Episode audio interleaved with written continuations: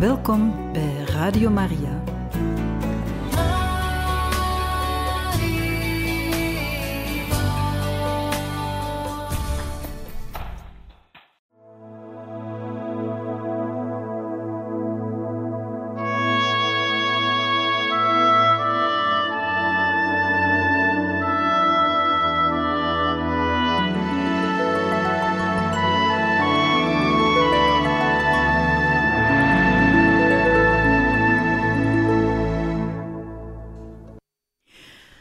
Joseph Ira Dutton, oud-fourier, augustus 1886. Damiaan geloofde de geloofde de belofte die Gibson hem gedaan had en vroeg hij zelden hem 50 dozen badmedicijn, 50 dozen met pillen, 50 pakken met bastpoeder en 10 pond bicarbonaat sodium te sturen. Hij had zelf een voorraad medicijnen uit Honolulu meegebracht, die hij bewaarde in het tijdelijke dispensarium, de logeerkamer van zijn pastorie.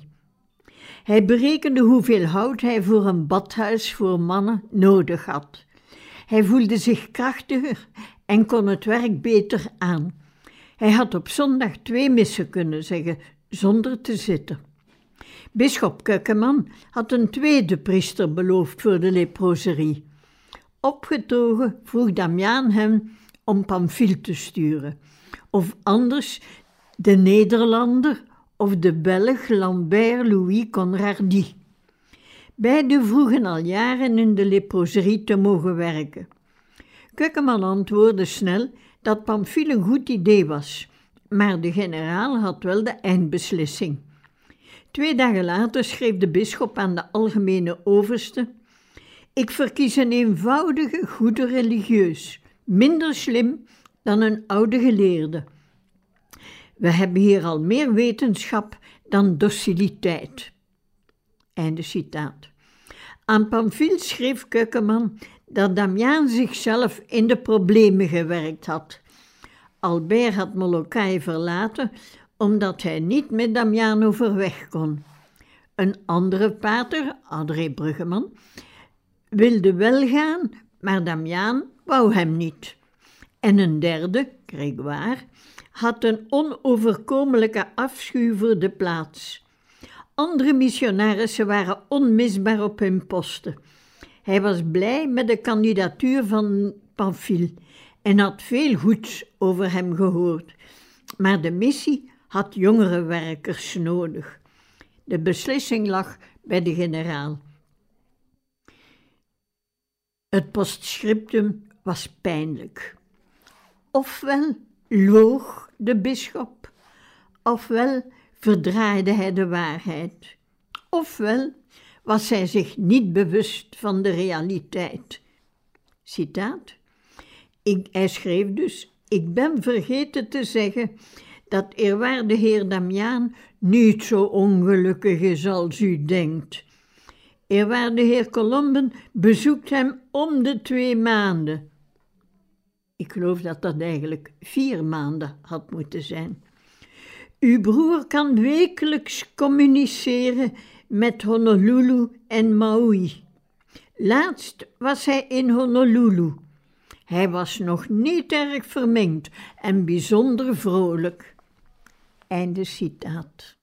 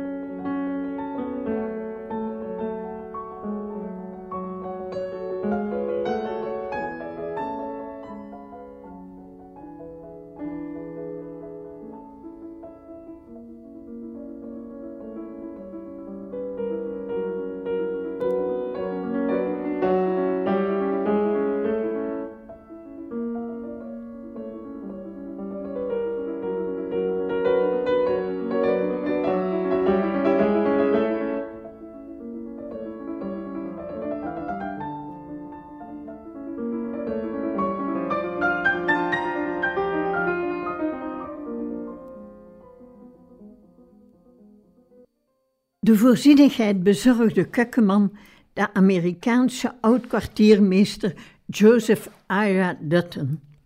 De man was gekomen om Damiaan te helpen. Hij had gezondigd en wilde penitentie doen door zich van de wereld af te zonderen.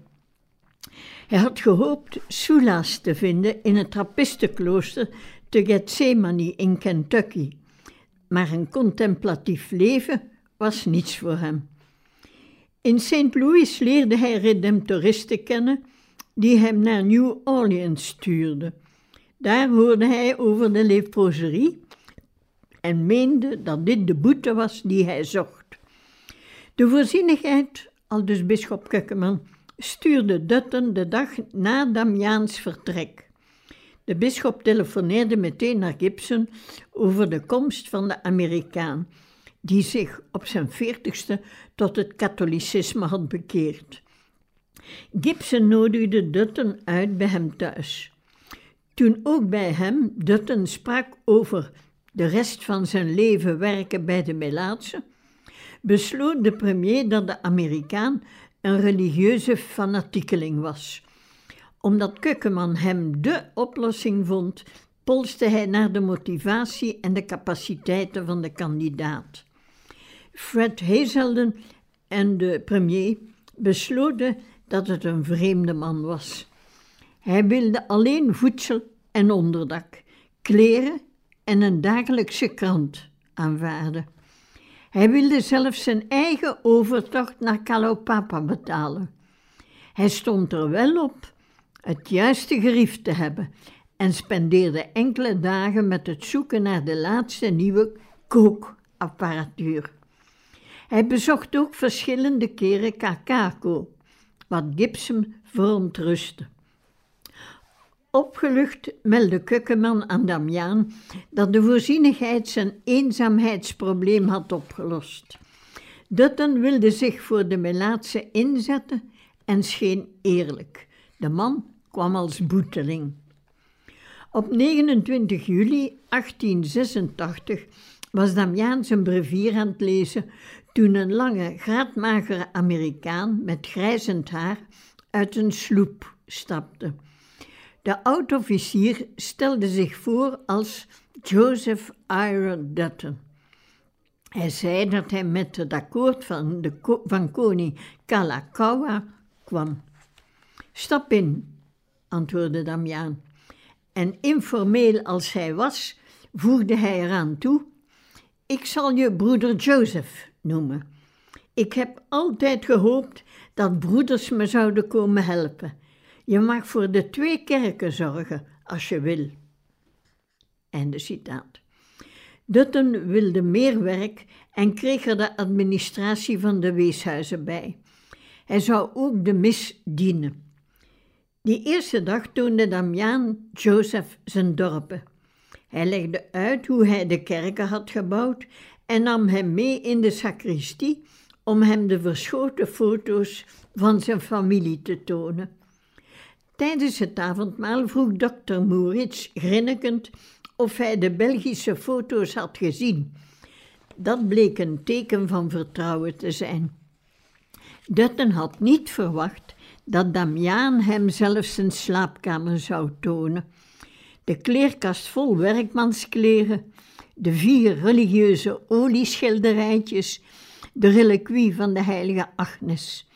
Hij vond de twee kaders met goedkope tekeningen van de heilige harten in de woonkamer lelijk, maar Damiaan bleek eraan te hechten. Damiaan wees naar de enige foto die van wijle bisschop Maigret en noemde hem een goed man. Er was geen foto van Kukkewan. Op een tafel lag een beduimeld Physician's Handbook. Damiaan gebruikte dat als er geen dokter was, wat nogal vaak gebeurde. Dutton vroeg die avond dokter Moritz, die hem voor het souper had uitgenodigd, uit. Zo was hem Damiaans armoede opgevallen. Moritz vertelde dat Damiaan onder zijn soutane een nachthemd droeg, want hij had zijn nieuwe hemd weggegeven aan een bruidegom. een impulsieve beslissing, maar zo was hij.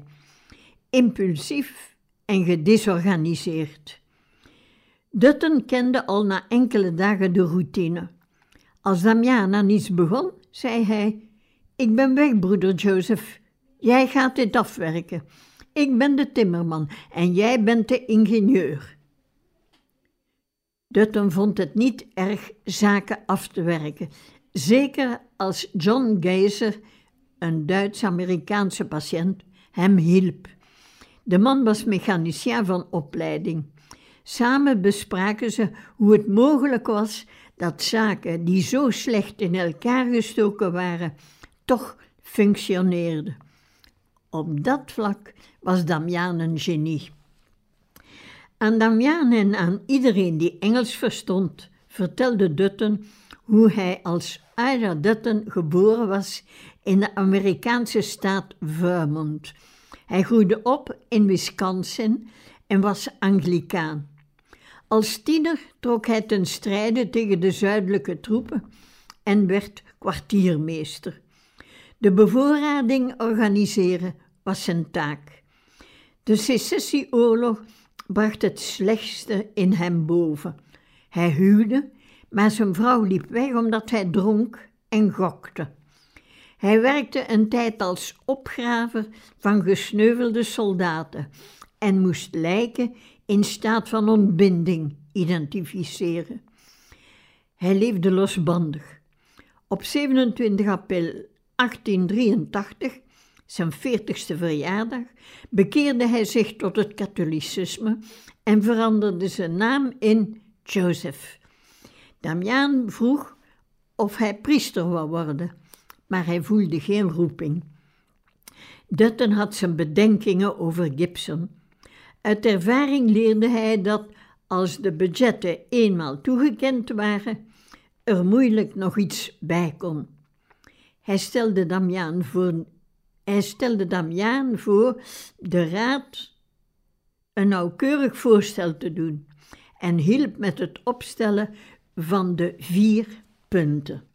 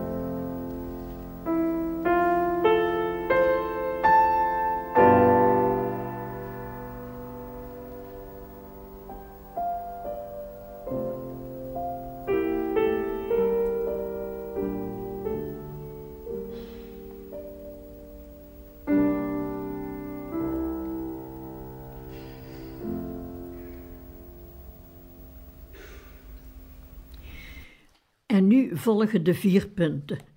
1.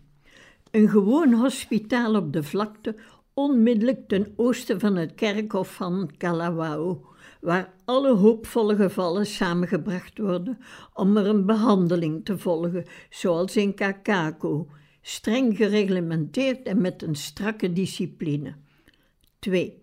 De gebouwen moeten bestaan uit een stookkamer, 10 op 20 voet, en twee badhuizen, elk 36 op 10 voet. Een elk 36 bij 10 voet. Een eetzaal, 36 bij 12 voet. En een kookhuis, 12 bij 20 voet. 3. Twee slaapzalen, één voor mannen en één voor vrouwen, met een houten hek tussen elke zaal met accommodatie voor 50 personen, zowel voor mannen als voor vrouwen. Drie gebouwen, 18 bij 40 voet, met binnen een veranda. Dat alles met een goed hek rond, zoals in Kakako.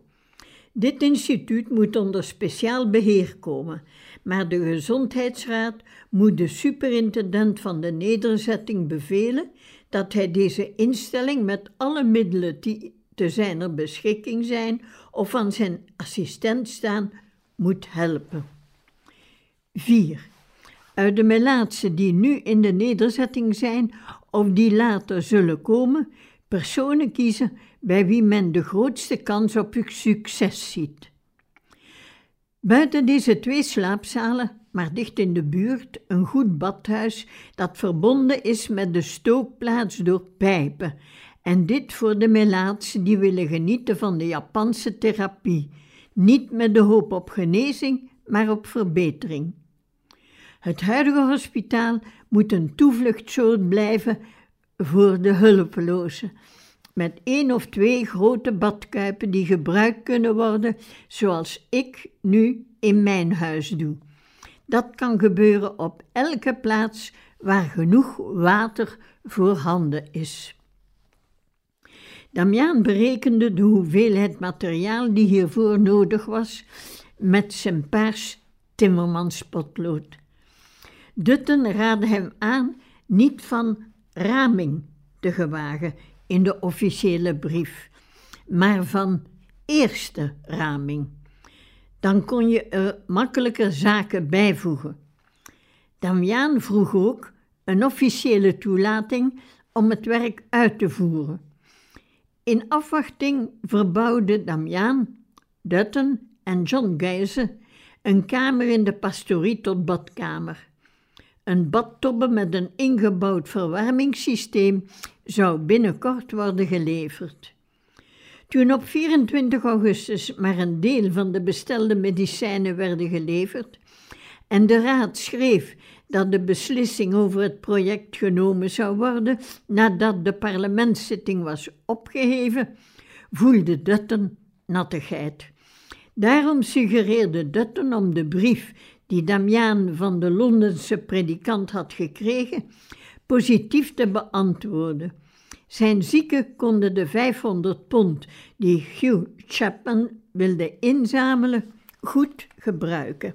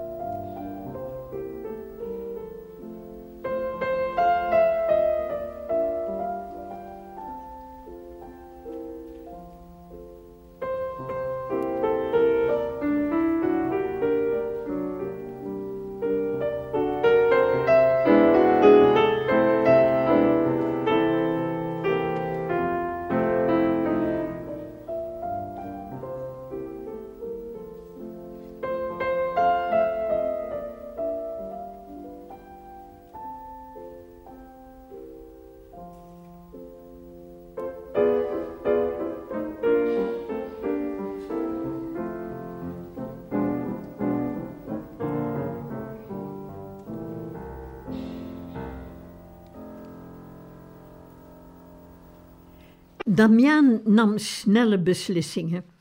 Op 25 en 26 augustus schreef hij drie belangrijke brieven.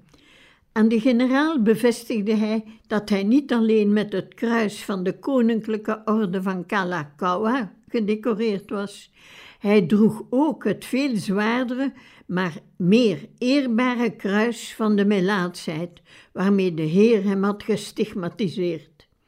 Zijn algemene gezondheidstoestand was goed, maar de ziekte ondermijnde toch zijn systeem.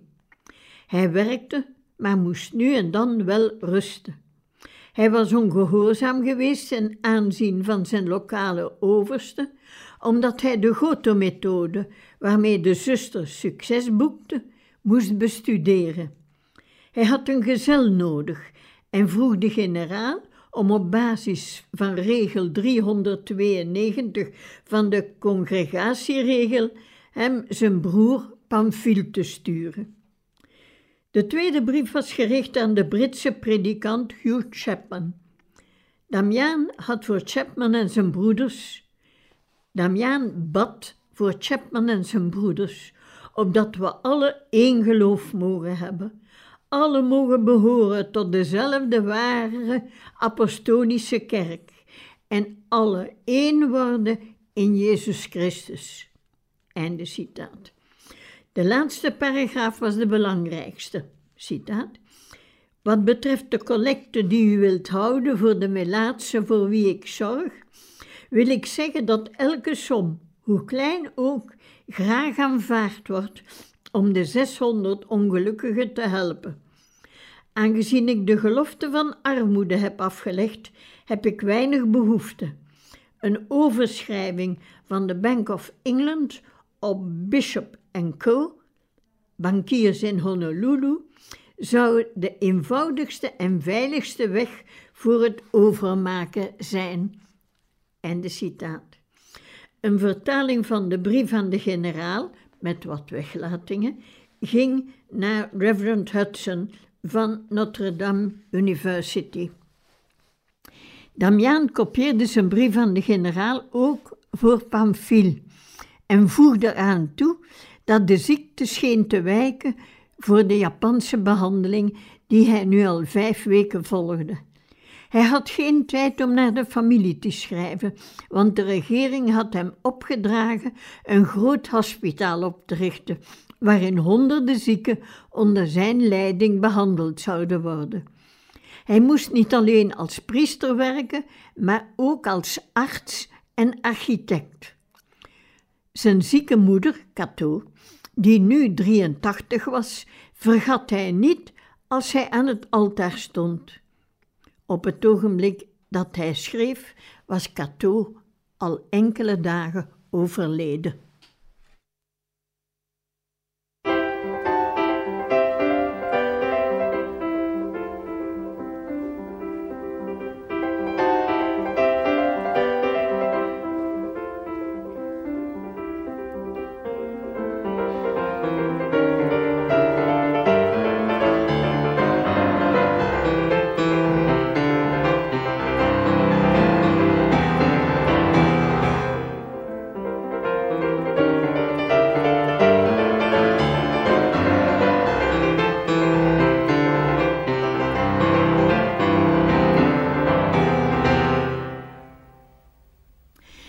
Gibson komt terug op zijn belofte.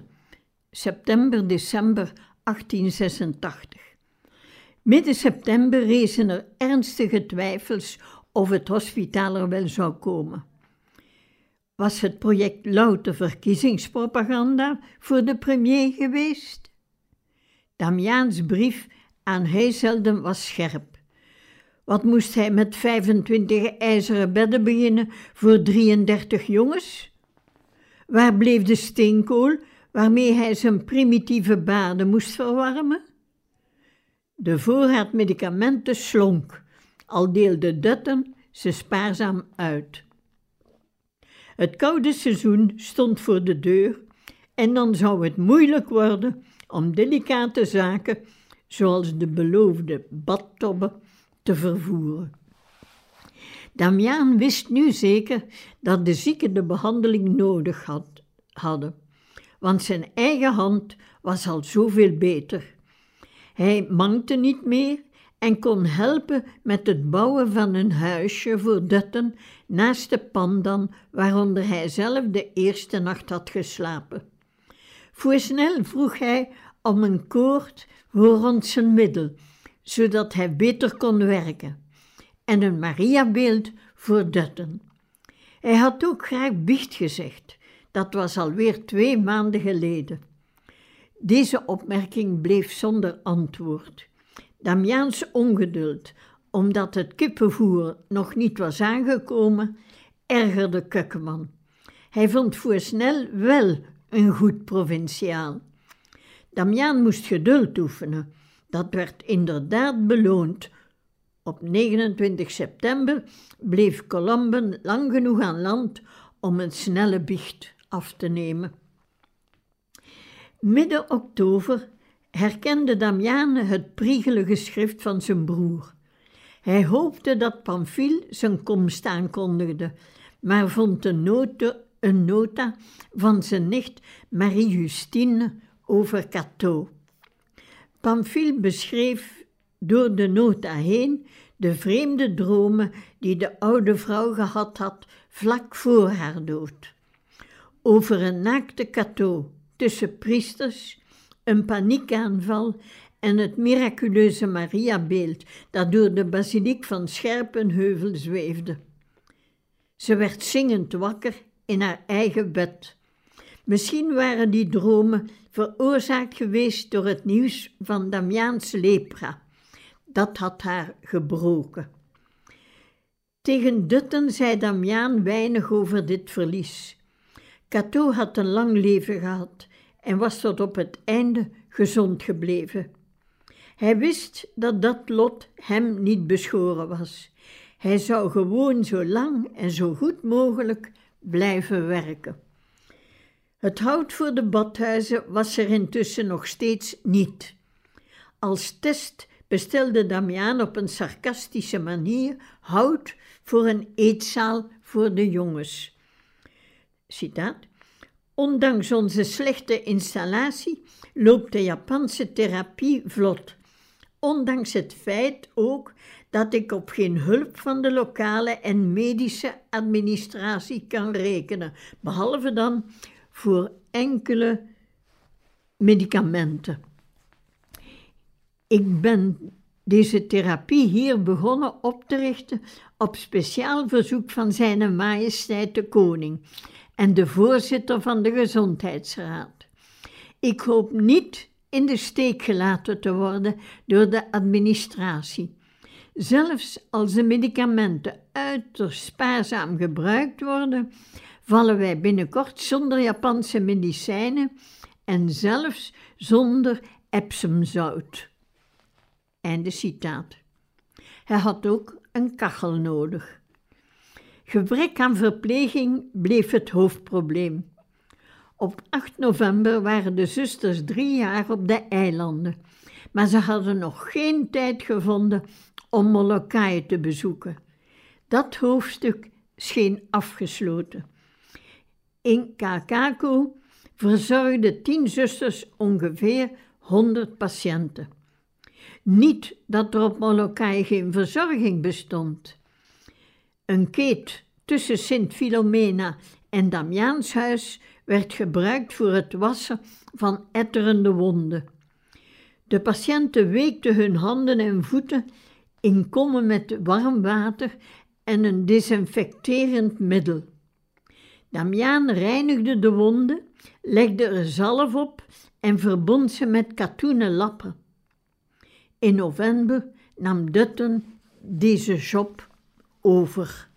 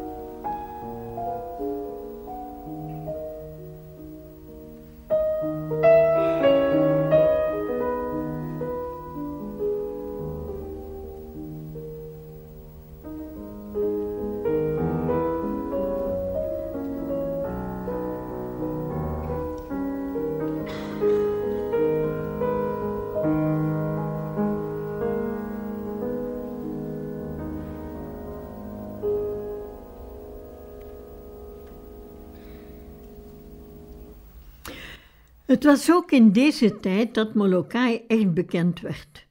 Stoddart's boek was een succes en in Londen publiceerde Reverend Chapman Damiaans brief. De Britse kardinaal Manning schreef er een emotionele inleiding voor. Miss Agnes Lambert, een lepra-experte, beschreef Damiaan als arts, verpleger, magistraat, leraar, schilder, timmerman, tuinman, kok en soms ook als begrafenisondernemer en grafdelver. Ze vroeg de lezers om uit Graphic of Harper's Weekly kleurrijke prenten te knippen, om die naar de patiënten te sturen. Een golf van steunbetuigingen overspoelde Groot-Brittannië.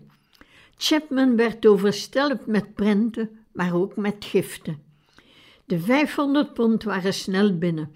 Vooral jonge vrouwen wilden als verpleegster naar Hawaii vertrekken. De Belgische krant Courrier de Bruxelles vertaalde het Britse artikel, maar had zogezegd nog bijkomende informatie. Op 21 oktober 1886 las Pamphile dat Damiaan gestorven was.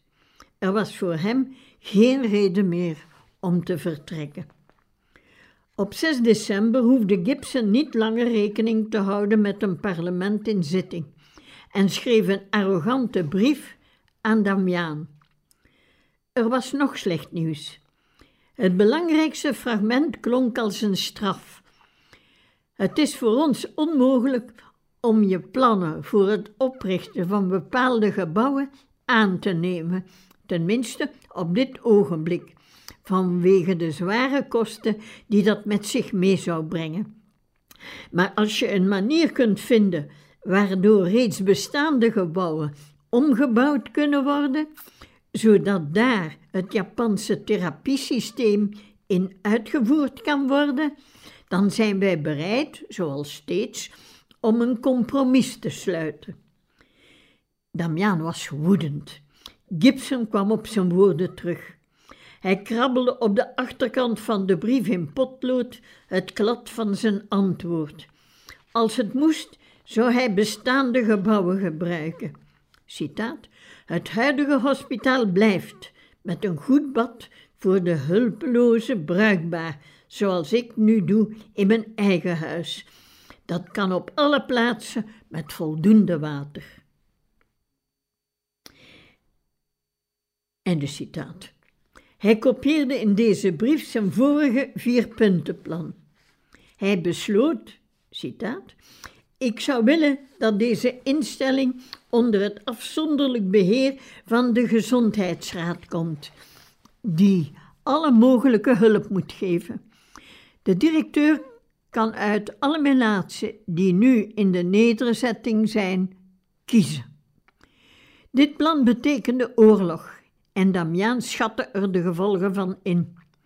De laatste brief van de bisschop had hem dit nog eens duidelijk gemaakt. Damiaan had Kukkeman voorgesteld om een abonnement op het Ave Maria van eerwaarde heer Hudson te nemen. Maar de bisschop had al te veel te lezen, schreef hij, en dan werd hij cynisch. Citaat. Men heeft me een artikel uit een Belgische krant gestuurd waarin uw dood is aangekondigd. Het is verwonderlijk dat u niet gestorven bent tijdens uw eerste week op Molokai, met werk dat nog te veel was voor een dozijn robuuste mannen. Ik vind het spijtig dat de bewondering voor uw werk de waarheid verdraait. Einde citaat van de brief van bisschop Kukkeman.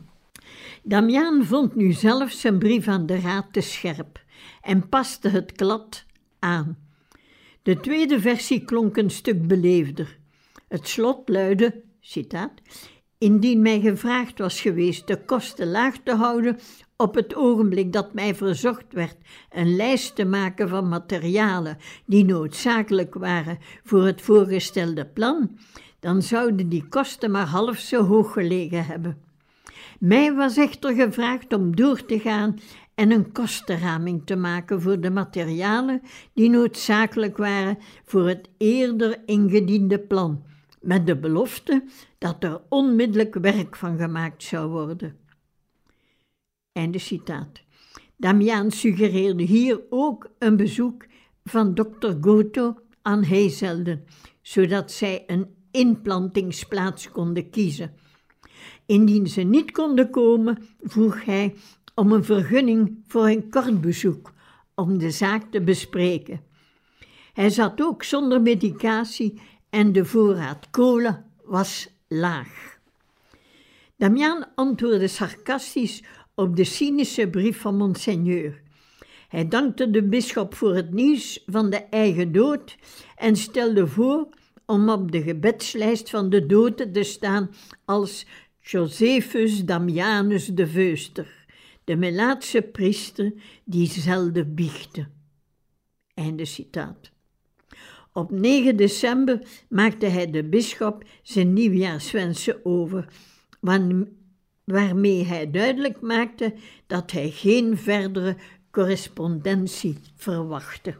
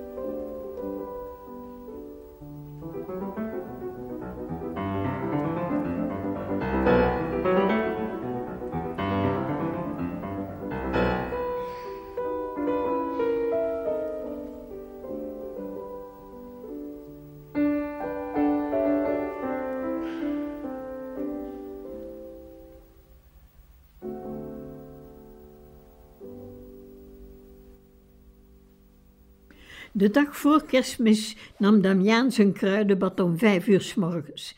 Hij las mis en hoorde biecht tot de middag, zonder iets te eten. Na een stevige lunch hoorde hij opnieuw biecht tot zes uur s'avonds. Hij had zo graag zelf gebiecht, maar sinds september had geen priester hem meer bezocht. Hij las zijn brevier, dronk een kop koffie en keerde om half tien terug naar de kerk om er de middernachtmis voor te bereiden. Hij preekte over de priester die een vader was en die voor zijn zoon, de congregatie, werkte. Hij ging niet slapen, maar vertrok al om vier uur s morgens, naar Kalaupapa om er de ochtendmis te lezen. De dagmis was voor Kalawao. Daarna was hij Pau, dat is bek af. Hij vroeg aan Dutten om het sermoen te houden. Na de lunch rustte hij. Hij kon niet meer en niets lukte nog. Over een paar dagen zouden ze geen bad meer kunnen nemen, want men had de steenkool niet geleverd en in Kalaupapa had men alleen maar brak vuil water om in te baden. Dat droogde de beschadigde huid uit. Kukkemans kerstgeschenk was dat Damiaan uit Parijs 25 dollar mocht verwachten. De bisschop had ook gelezen in de Pacific Commercial Advertiser dat er een grote somopkomst was. Ik geloof er niets van, beet hij, en voegde er daarna een ijzige nieuwjaarsgroet aan toe. Ik neem de gelegenheid te baat om u het ware geluk in het nieuwe jaar toe te wensen, maar de miserie zal pas met het leven eindigen. Einde citaat. Damian antwoordde Kukkeman dat hij alleen de Weekly Advertiser kreeg waar het bewuste artikel niet in stond. Ave Maria had duizend dollar verzameld, waarmee ze twee tabernakels wilde kopen. Chapman had met toelating van bisschop Manning een intekenlijst geopend. Meer wist hij niet. Haast wekelijks ontving hij brieven uit Engeland en Amerika. Bid alstublieft dat mijn hoofd niet op hol slaat door de lof van deze sympathieke mensen, schreef hij. Met de kleine sommen die hij uit Parijs en Brooklyn had gekregen, wilde hij aan brandpreventie doen. Er was nog een sommetje opkomst en ik kreeg veel kleurige prenten. Citaat. Met mijn beste wensen voor het nieuwe jaar stuur ik u een heilige Carlo van Borromeo en indien u het wilt, een heilige Herman. Indien u de eerste niet wilt houden, stuur hem dan maar naar Charles in Hilo. Einde citaat. Hij wilde niet moeilijk doen, maar het was een feit dat hij nauwelijks biechte. Dat jaar had hij een totaal van drie. Tweemaal aan Columben, de laatste keer in september, en één keer bij de bisschop zelf. Dat was een nog zwaarder kruis dan de ziekte die voortwoekerde. Zijn buik, borst en armspieren waren aangetast. Hij had leproma's op de benen. De vlekken verharden en werden geel. Hij kon ze niet langer wegschuren. Zijn neus was verstopt en de brug was aan het inzinken. Zijn mondholte was ook aangetast en hij was hees. Hij had bruine vlekken op zijn wangen, voorhoofd en kin en vermagerde snel. Zijn kleren waren te groot, zijn voeten waren gezwollen en hij viel vaak.